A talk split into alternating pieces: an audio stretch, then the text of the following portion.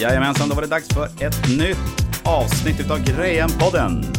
Med mig, Danny Tinglöf. Yes, då var vi igång igen med ett nytt avsnitt. Vi börjar bli lite varma i kläderna här. Eller åtminstone jag, eh, för det är ju jag som gör det här. Eh, idag, den här ljuvliga, soliga dagen, så tänkte jag att eh, jag skulle prata lite grann om eh, med en eh, skånsk brytning då. Nej, det tänkte jag faktiskt inte. Eh, utan jag tänkte att idag så blir det historielektion. Och det kan låta lite tråkigt. Men se, det är inte så tråkigt. Nej. För idag så tänkte jag att ämnet för den här historielektionen ska bli varför ser det ut som det gör i Mellanöstern? Eh, det är ju så här att eh, man kan ju tänka sig att, eh, jag vet inte hur ni tänker på Mellanöstern, men oftast så, så tänker man, eh, jag ska inte säga man, jag ska säga ofta har jag tänkt i alla fall tidigare att eh, Mellanöstern, då är det krig, elände, eh, klaner som, eh, som bråkar och, och eh, olika folkgrupper som inte kommer sams, eh, kan hålla sams och ja, en allmän ett allmänt skrutt i form utav en öster som är emellan någonting. Nej, och grejen är så här, varför ser Mellanöstern ut som den gör? Varför har det blivit den, som säga, den, den eh, ja, situationen som råder helt enkelt i området. Och det är ju, eh, man är ju ingenting eh, förutom eh, sin, genom sin historia så att säga. Man är ju till genom att man har, eh, eh, det som har hänt bakåt i tiden är ju det som gör att man är här idag. Så eh, vad är det som gör att då det ser ut som det gör i Mellanöstern? I, kanske speciellt då i förhållande till Israel. Och det är ju så här att eh, man kan ju egentligen skruva tillbaka klockan ganska långt, men eh, ni känner väl säkert till att eh, hela hela medelhavsområdet var ju dominerat av romarriket eh, under antiken.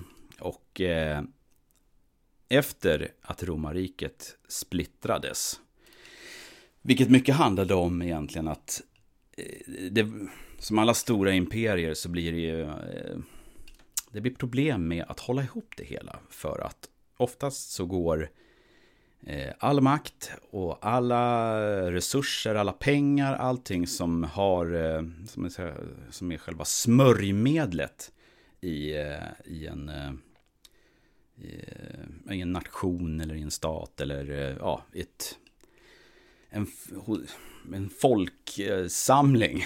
Så är det ju liksom att eh, det, man kan inte komma undan det faktum att så fort allting strömmar åt ett håll så börjar det sakta men säkert att gå åt pipan.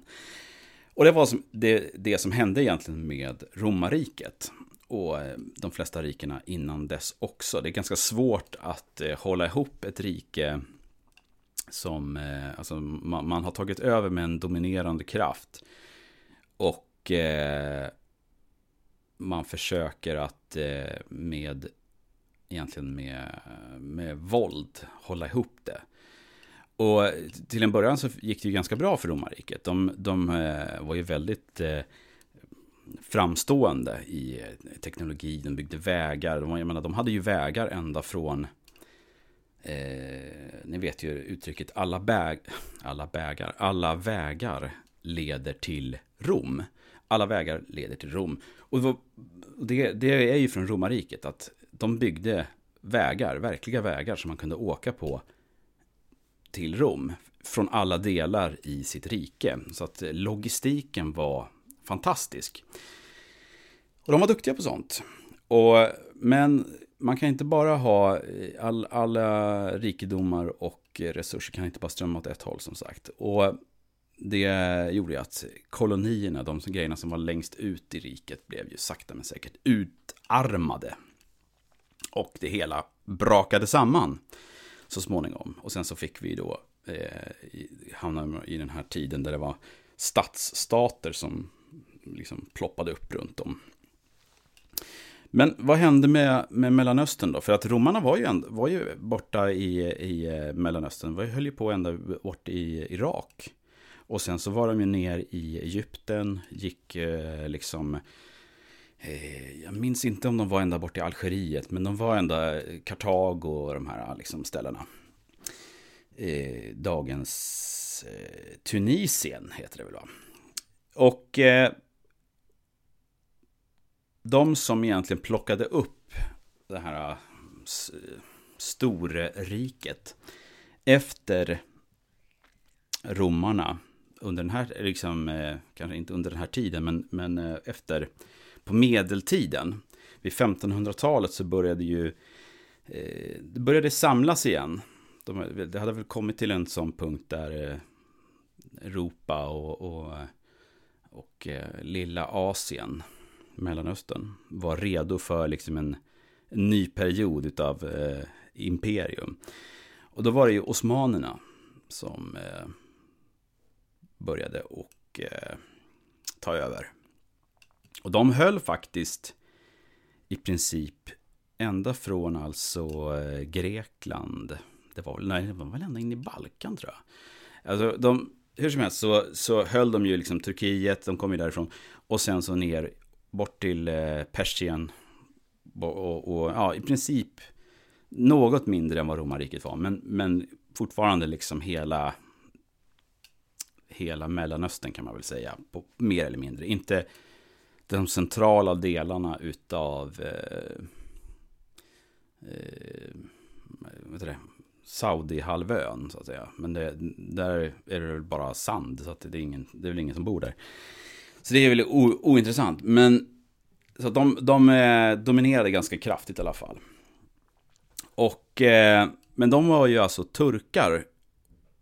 Och eh, har en annan... Eh, eh säga, turkarna har ju, har ju en annan kultur kan man väl egentligen säga. Även om de var muslimer. Så hade de en annan kultur än vad till exempel araber har. Eller hade på den här tiden. Så att eh, de, var, de var liksom, eh, på mångt och mycket så var de faktiskt mera eh, europeiska. De blev mera västliga allt eftersom tiden gick. Och eh, så att när vi då kommer fram till det som den här, eh, det här, den här historielektionen egentligen ska handla om. Som är egentligen från 1800-talets mitt kan man väl säga. Fram till staten Israels grundande eller utropande 1948 så, så går ju egentligen hela, hela världen genom en, en eh, vad kallar vi det?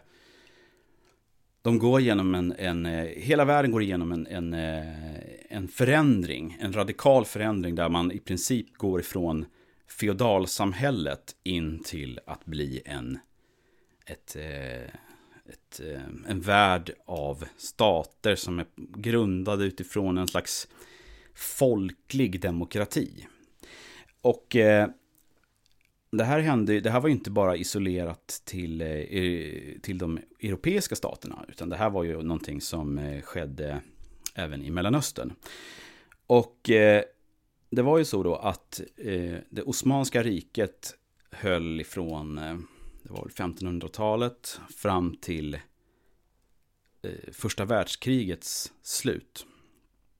Där första världskriget egentligen eh, bara en, en kort eh, liten eh, detalj. Ska man säga. Det, det, det, är svårt att ha korta detaljer om första världskriget. Men en, en, en, en god tanke när man, när man tänker på första världskriget. För det, första världskriget har man liksom på något sätt eh, hamnat lite i skymundan för det andra världskriget. Men grejen är så här att eh, första världskriget eh, så att säga la grunden för att det överhuvudtaget skulle bli ett andra världskrig.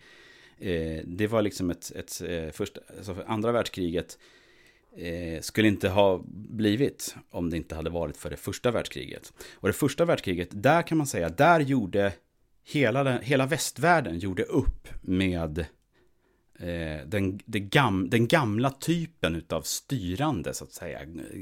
Kungar, grevar, baroner. Och hela det feodala samhället var slut där. Det var liksom 1918, finito. Det är ingen mera liksom eh, livegenskap. Och det här ser man ju, eh, eh, där, och, där, där, och det är en ganska radikal förändring. Och det, det som hände var på 1800-talet så, så steg ju den här, eh, det kom upp en, eh, en rörelse kan man säga i, eh, bland folk. Där man blev mer och mer eh, medveten om sin etnicitet och sin, sina tankar kring nationalstaten. Och det här Eh, man kan säga att nationalismen föddes på 1800-talet. Och det, det gick som en, som en våg över hela eh, den västliga världen, den, den eh, nationalismen. Och man kan väl säga egentligen sitter det ihop med upplysningen naturligtvis, men, som var tidigare på 1700-talet. Men, men det fick liksom inte sin, det hade inte liksom grott klart innan mitten på 1800-talet. Och det som händer då är att eh, när vi kommer fram i 1900-talet så vet ni ju hur, hur de här rörelserna, hur eh, tankegångarna kring att Tyskland eh, det, het, det, var ju, det hette ju det tysk-romerska riket. Det var ju liksom så att jag... Eh, eh, det var ju det som fanns kvar utav det romerska riket egentligen. Det var ju den här det tysk-romerska riket. Och det var ju det som Hitler sen ville så att säga skapa det tredje riket. Han ville återskapa det här det magnifika tyska liksom. Som, som eh, i, i, i, hans mening då liksom var det här är, är, nu är det vi som är de här som ska föra framtiden framåt. Och det som händer då i alla fall i, på, i första världskriget är att eh, de, he, de, de störtar osmanerna. Osmanerna kickas ut från Mellanöstern. Och liksom, man kan säga att eh, det moderna, det som vi tänker på det, det, på det moderna Turkiet skapas under den här tiden. vid första världskriget. Och vad är det då som är, är det viktiga är, är att gällande Israel i den här frågan, det är att under den här tiden av, eh, på, från eh, början på 1900-talet. Då. Då, då var det här Palestinaområdet, vilket inte var en stat, det var inte ett land, det fanns inga människor som, där som bodde som tänkte att ja, jag, jag är en palestinier. Liksom. Det, fann, det fanns inte som en nationalitet, utan det var, man var, man var kristen, man var, eh, man var muslim, man var arab. Alltså man, det, det var sådana tankar, det fanns inte den, här, eh, den typen av national, nationellt tänkande i förhållande till Palestina, namnet Palestina. Eh, och det som hände då, det var ju att eh, landet där, alltså Palestinaområdet var i princip en, en stenig öken. Osmanerna hade, en, precis som romarna, så, så sög de ur liksom eh, ändarna på sitt, eh, på sitt rike. Och eh, det blev ju en, en, en, eh, en korruption naturligtvis som var liksom stegrande. Så att eh, de hade ju ingen chans egentligen. De grävde ju sin egen grav. Och det som hade hänt då i, i Palestinaområdet är att osmanerna hade lagt en väldigt stark skatt på att äga. Och det här är ganska, det här är så märkligt. De hade satt en skatt på hur, på träd, hur många träd man har på sitt, på sitt land, vilket innebar att folk högg ner sina trän. Och ni vet när man hugger, högg ner eh, vegetation, speciellt i ett, i ett sånt här typ av stenigt och varmt ökenområde, det man gör är ju egentligen att man förstör jorden överhuvudtaget. Det, det, det, man, det blir ökenspridning. Så att eh, på, på 1800-talet 1800-talets slut, då är ju, eh, då är ju Palestinaområdet i princip en, en stenig öken. Ingen vill vara där. Och där det inte är stenig öken, på den andra sidan utav så att säga, eh, alltså mot Medelhavet, där är det i princip sådana här, vad kallar man det för? träskland med eh, där, eh, där var det inga människor som regerade, utan där var det malaria, eh, liksom myggen som, som eh, regerade. Så det här var inget, det här var inget attraktivt område på något sätt. Det var ingen som ville bo där, om man, om man inte blev tvingad till det. Och, och det säger faktiskt eh, han Mark Twain, han som har skrivit Huckleberry Finn, eh, han skriver ju så här, han, han, han var faktiskt där i området. Och han beskriver Palestinaområdet som att en, en han säger, jag vet inte vad det heter, ett öde, ett öde, men han säger på engelska desolate.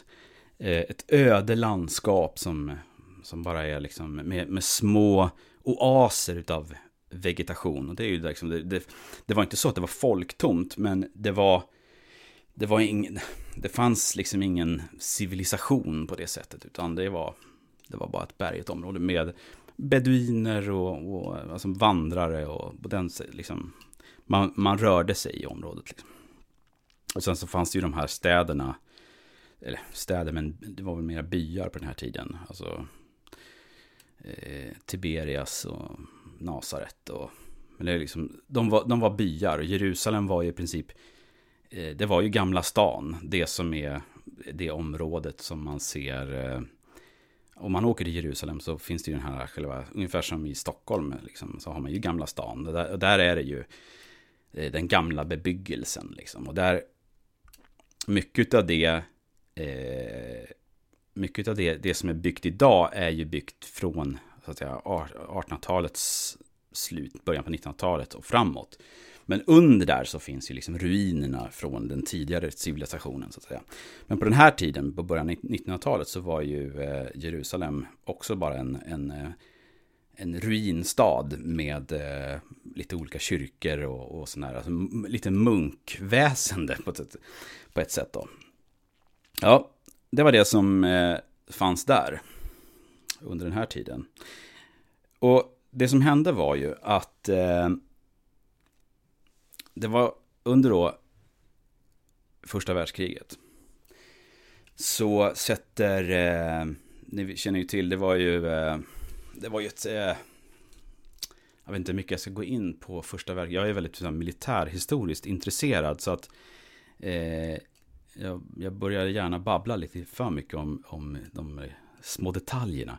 Men grejen är så här att eh, det som hände var ju att, att han eh, den, den eh, österrikisk-ungerska eh, prinsen Frans Ferdinand och hans hustru blev skjutna i Sarajevo av den här eh, anarkisten. Eller vad han var. Eh, Princip hette han i efternamn. Och eh, det som händer då i alla fall, det är att det blir en sån här snöbollseffekt. Att det, ja, då förklarar det här landet eh, krig på det landet. Och, så för, och, då, och då är de här allierade med dem. Och så, så blir det en snöbollseffekt och plötsligt så är hela Europa i krig. Och jag tror inte det var egentligen någon som förstod varför vi är i krig. Vi bara gör det för att vi är allierade. Och det var, det, här kan man verkligen se den här, det här var det, feodal, det sista feodala kriget. Alltså så här kungar och grevar och baroner som på något sätt så här, ja, vi ska rida ut i strid för att vi, det är det vi gör när vi blir förolämpade eller någon blir skjuten. Och eh, då är det ju så att eh, osmanerna då kontrollerar. Engelsmännen och fransmännen, de är ju, eh, de är ju på, på den ena sidan. Och eh, Turkiet då, alltså osmanerna, var allierade med tyskarna. Och eh, de, eh, så att eh, det är därför som, som engelsmännen hamnade i, eh, i Mellanöstern också, med, tillsammans med fransmännen. Och de, de krigar ju mot osmanerna där. Och det som händer är att de upptäcker ju att araberna, de är, de är lite sugna på att skapa en egen en egen, eh, så att säga, eh, ett eget, eh, ett eget litet rike. Och på den här tiden så, så såg man väl kanske, man såg mycket utifrån så att säga, alltså, engelsmännen var ju väldigt arabvänliga. Det fanns ju en väldigt stark så här eh, arab, eh, kallar man det för? Alltså så här, man såg, man såg Eh, det här exotiska. Det fanns ju en väldigt så här, eh, en stark, eh, det var ju ända från, eh, vad kallar man det för? Nu sitter jag här och bara låter. Det, just det här, man, man säger, äh, vad kallar man det? Nu står det still. Ja, men den här, eh, jag tänker på han Robinson Crusoe. Det var ju, det var ju en tid där, där man eh, tänkte mycket på så att säga den ädla vilden. Och, och det fanns en, en stark sån här eh, liksom, eh, exotisk tanke kring det hela. Och engelsmännen var mycket för sånt. Och eh, det som var då att eh, de, eh, de såg att det fanns en, en stark groan, groende nationalism hos araberna. Och det, fanns ju, det gick ju en, som jag sa, det, det gick ju en, en, en våg av eh, allt möjligt i just då. Och man kunde få, och det här liksom nationella, den nationalismen växte ju fram under slutet på 1800-talet. Och det, det var ju ingen som var o, oberoende utav det, utan alla, alla var ju berörda på olika sätt utav den här liksom, nationalismen, så att säga. Och så engelsmännen, de, de eh, underblåste den här eh, den arabiska nationalismen som, som blev till den panarabiska eh, motståndsrörelsen. Och det var ju, den panarabiska motståndsrörelsen var den här eh, det var ju de som, som krigade mot eh, att få bort de här osmanska liksom, överherrarna som de såg. Och så det var ju i, i Englands intresse att underblåsa den här nationalismen. Och det intressanta är ju då att eh, den fana som den, den, det panarabiska, den panara, man kallar det för eh, den panarabiska revolten, så eh, den fana som man hade, den finns fortfarande kvar. Och det är den palestinska flaggan är den panarabiska nationalismens flagga. Så, att det, ing, så det här är nu börjar man se ett, ett litet mönster här, var, varför jag talar om det här. För att det som är själva grejen är att eh, den palestinska rörelsen, det är den sista så att säga panarabiska rörelsen som finns i världen idag. Man kan ju säga Saudiarabien, de är kanske inte så himla intresserade längre av att göra något stort arabiskt rike. Utan det är den här, det är den panarabiska idén som fortfarande lever kvar i, eh, i den här, eh, i den palestinska rörelsen. Och det är det som som eh, hade sin grund i vid det första världskriget. För då, det som hände var att det blev två grenar i det här eh, panarabiska upproret mot eh, osmanerna. Den ena var socialistisk och den andra var muslimsk. Eh, och det är inte alltid lätt att skilja dem åt så att säga. Men man kan säga att eh, den, den muslimska delen, det är det muslimska brödraskapet. Och den socialistiska delen är Baathpartiet. Det är de som ligger bakom eh, Saddam Hussein, Assad. Eh, ja, de ligger väl bakom... Eh,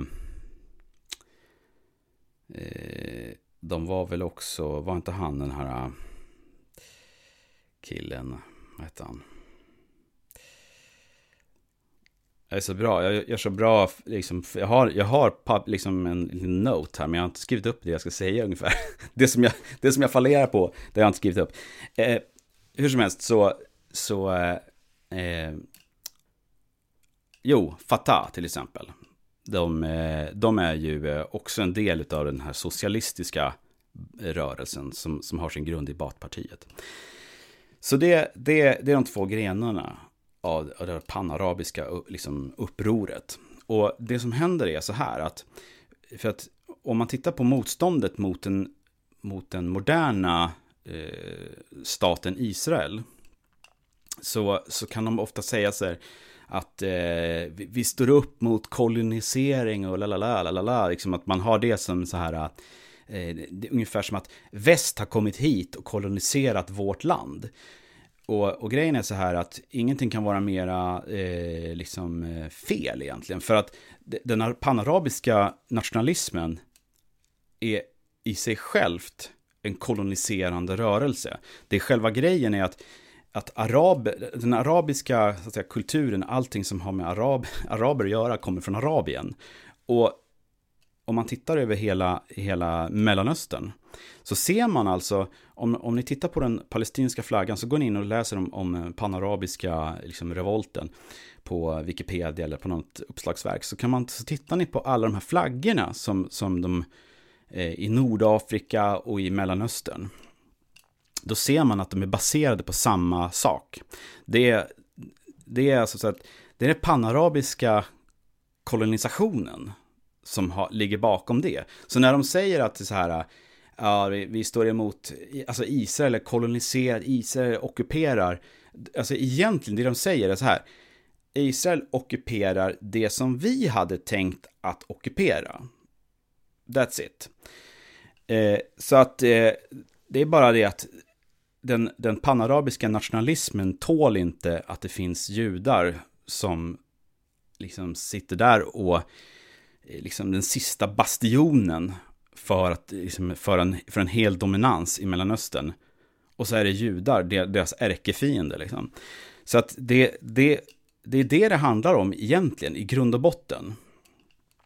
För att vad som hände är ju att, att eh, efter andra världskriget, osmanerna är utkastade, Frankrike eh, under han eh, de Gaulle heter han va? Han, eh, de tog över eh, Syrien och eh, liksom den norra delen av eh, Palestina och Levanten. Och det som händer med dem det är ju att eh, fransmännen försöker att, att eh, styra och ställa och det går inte så bra. Och till slut så går de med på att skapa självstyre för Syrien. Så det är det som händer. Och så att Syrien, det moderna Syrien, är, är, ligger Frankrike bakom. Sen, och även eh, Libanon.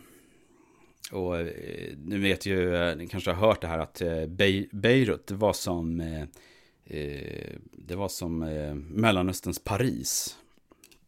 Det är ju många, många libaneser som säger så, att det var liksom förr innan, innan det här mm, den muslimska delen av panarabisk, för det är det som egentligen har seglat upp i våra dagar, så har ju den, muslim, den muslimska panarabiska i tanken mera väckts till liv än vad den socialistiska, den socialistiska delen har ju på mångt och mycket fallerat, eftersom socialismen i hela världen har fallerat. Jag menar, socialismen är ju, är ju en falsk idé från början, så det är klart att man kan ju bara köra den till en, tills det blir pannkaka. Va? Och eh, så att då har den muslimska delen tagit vid istället, som har blivit egentligen undertryckt av den socialistiska.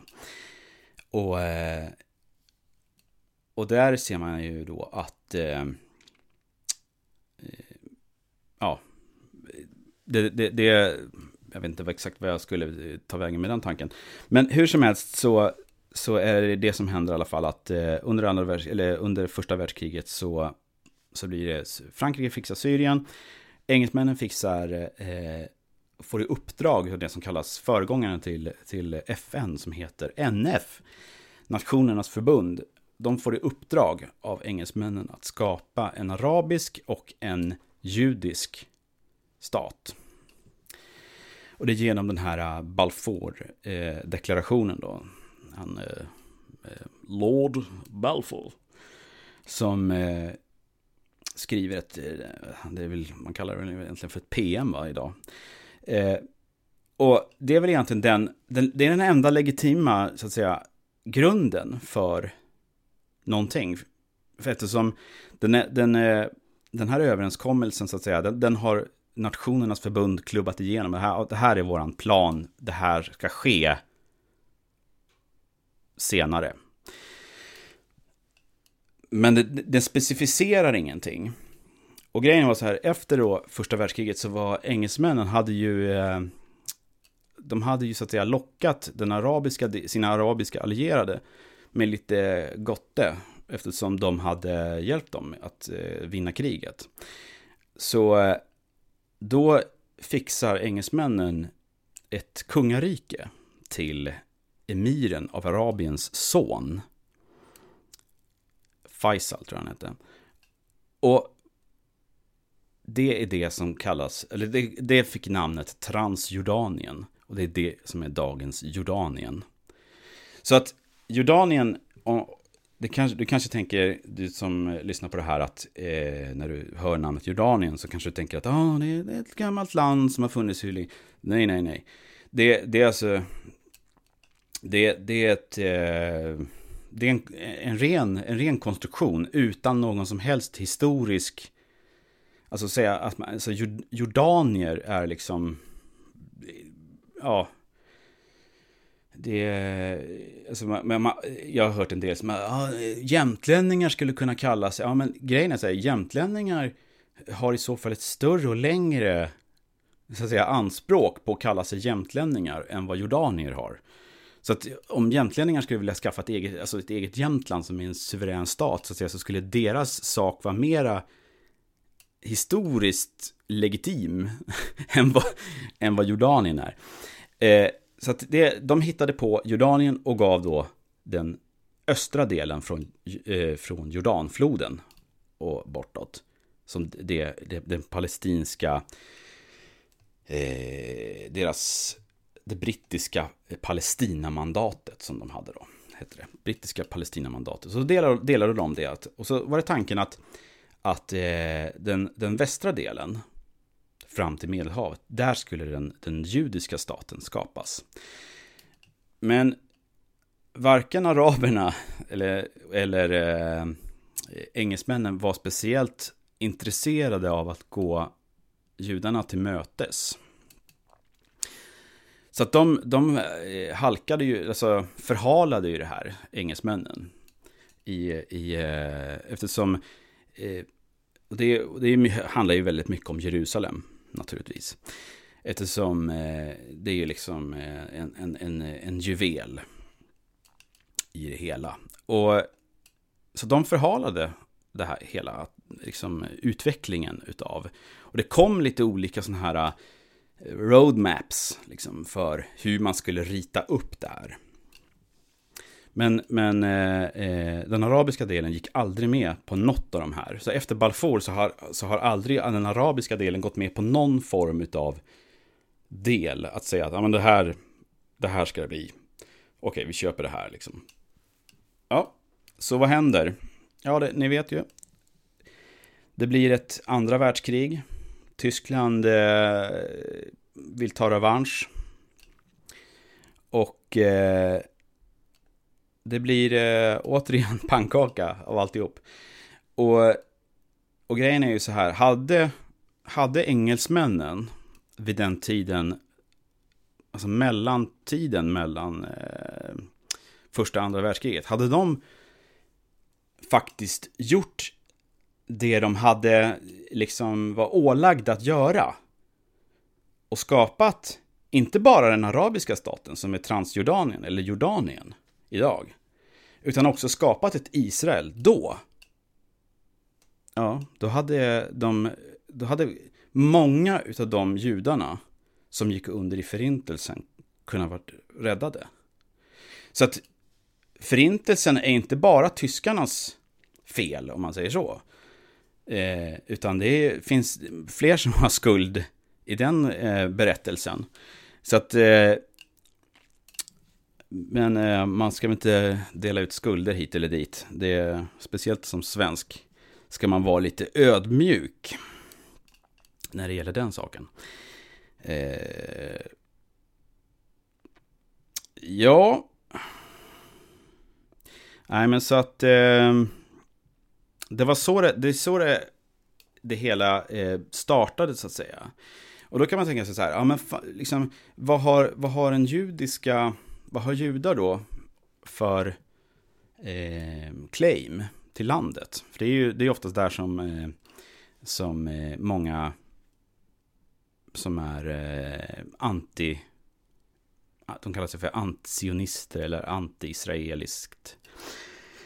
Ja, vad har, vad har judar för claim? Grejen är så här att det, det, det har alltid, under Osmanska riket så bodde det judar redan där.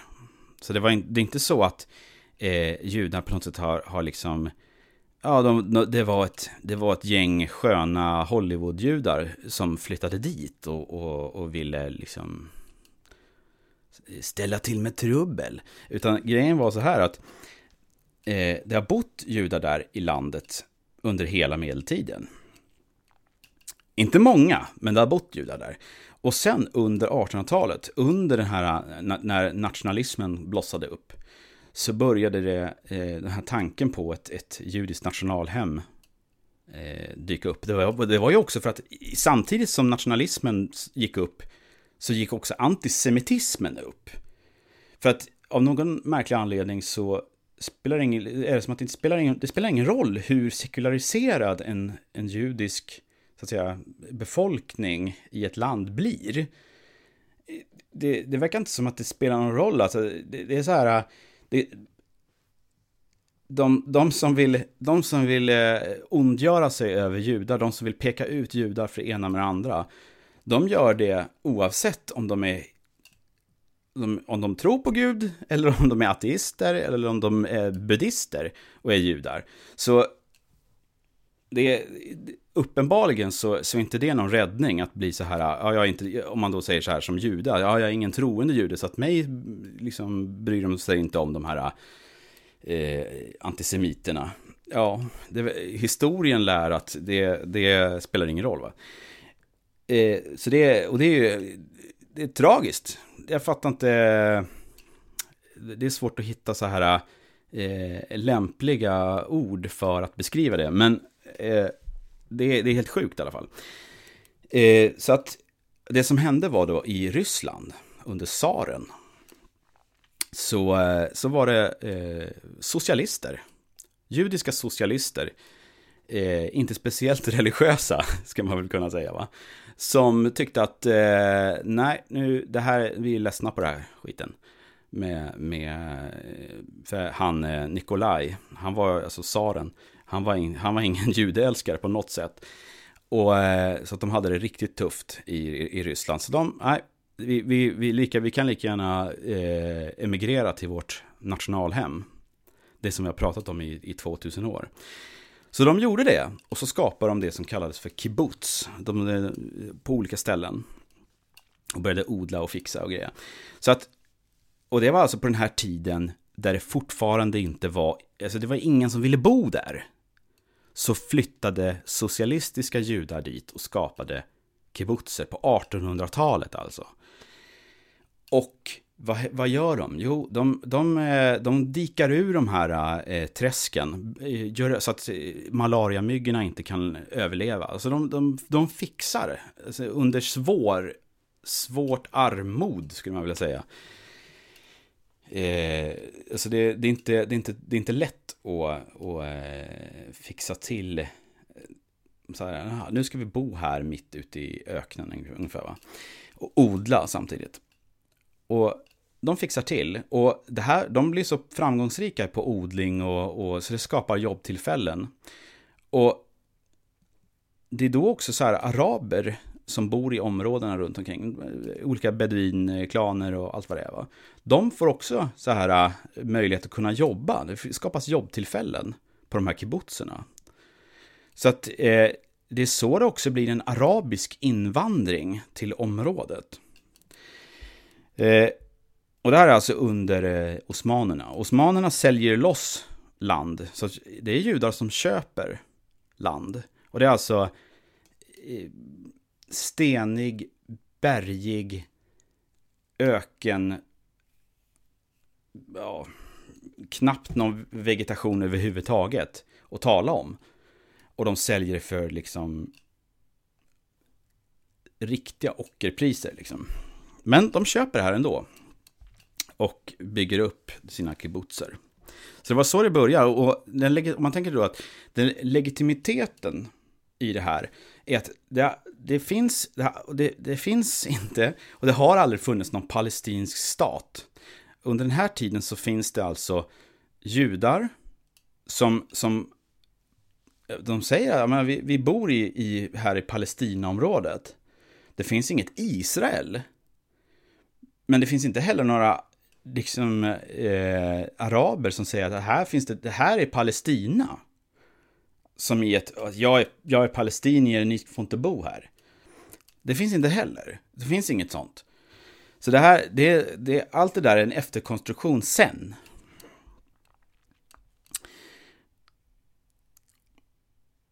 Slutligen då.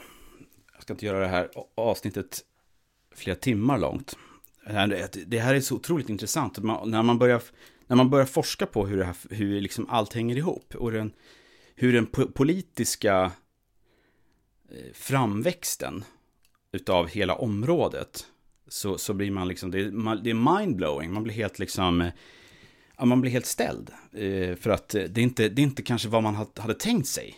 Att så här var det. Utan man tänker, ja men jag, jag det, det, de, det, jag menar, och tittar man från vänster, alltså, vänsterretoriken så är det ungefär som att ja, det, är, det är västlig kolonisation som har skapat situationen. Men det, det, är ju, och det är nonsens, fullständigt nonsens. Det är ju liksom, det är ju engelsmännen tillsammans med araberna. Har ni sett den här filmen Lawrence of Arabia? Som är, baseras på en riktig, på en riktig Lawrence of Arabia.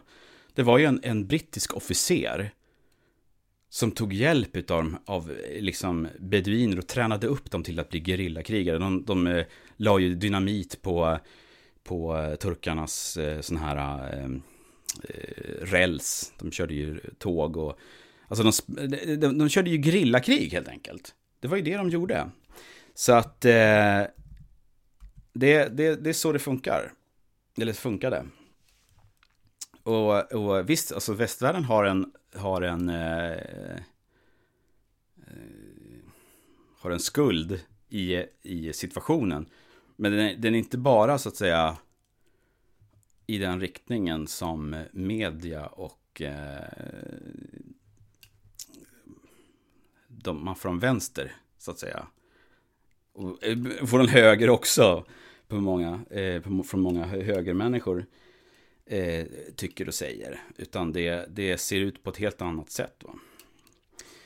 Eh, så att eh, vi kan väl eh, sluta där för det här avsnittet. Så, så tänkte jag att jag ska ta lite mera om tiden som är mellan eh, världskrigen och fram till, eh, till andra världskriget och efter.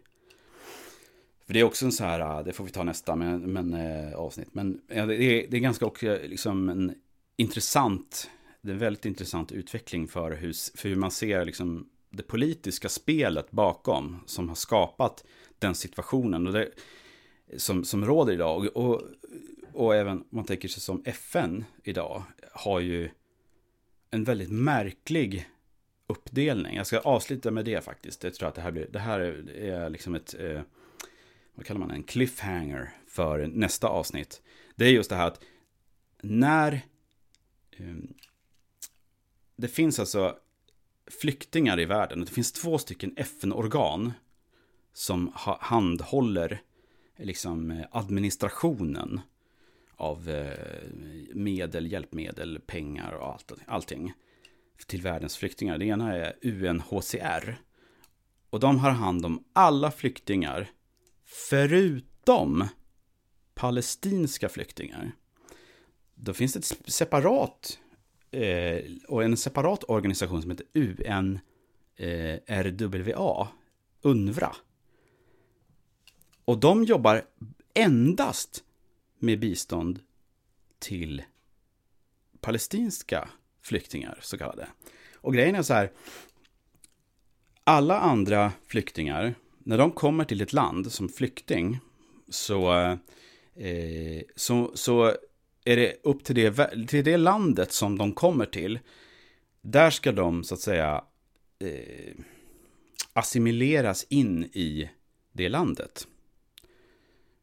Men inte palestinska flyktingar. De får man inte enligt UNRWAs regler assimilera. De får inte, så att säga, de får inte bli en del. Så även om Det är ju så att det bor alltså palestinska flyktingar då, som inte, de har inte flytt en, en meter någonsin va. Utan det här är alltså flyktingar som är flyktingar i tredje generationen och sådär. Och det, menar, det, då är man ju inte flykting längre, egentligen. Enligt den andra UNHCRs regler, så är du inte, du kan, man kan inte vara en andra generationens flykting. Om du är född i Sverige, om du har kommit som, dina föräldrar har kommit till Sverige och blivit, eh, som har varit flyktingar och så har de kommit till Sverige och så har du fötts här i Sverige. Eh, så då är inte du en flykting. Då kan inte du säga, ja men jag är en andra generationens flykting. Nej, du, du är en medborgare i Sverige. Slut. Sen så kanske eh, du har, ett, eh, dina, du har dina rötter i ett annat land. Ja, men du är inte en flykting. Men för palestinier så har FN bestämt att nej, då ska det gälla andra regler. Bara för palestinier. Och då kan man se att det finns ett politiskt spel som tvingar också den palestinska liksom, eh, befolkningen in i ett ständigt flyktingskap. De kommer alltid att vara flyktingar. Så det spelar ingen roll, du kan, du kan åka till Sverige som, som palestinier, bli svensk, bo här och fortfarande, om du har delat då medborgarskap, eller två pass. Har du ett palestinskt pass, då räknas du som flykting, även om du eh, skulle liksom jobba på... Eh, ja men, eh, om du skulle vara skollärare och, och eh, vara svensk, så skulle du ändå räknas av FN som flykting. Så det är det här som är det, det, det riktigt sjuka i, i, i det hela. Och det, och det är otroligt sjukt gentemot de som är alltså palestinska befolkningen. Snacka om hamnat i en rävsax va. Man, man används som ett eh, medel för att eh, ett politiskt medel helt enkelt. Ja, vi slutar väl där helt enkelt. Annars kan jag fortsätta ett par timmar till. Men nästa avsnitt så, eh, när det blir en historielektion, det kanske inte blir en historielektion nästa avsnitt, men det blir i alla fall en, eh, en, eh, ett historie, en historielektion nummer två framöver helt enkelt. Eh, då blir det om eh, Israel, den moderna staten Israel. Och eh, framåt. Eh, yes, då får ni ha det gott. Så eh, hörs vi nästa gång helt enkelt. Ciao.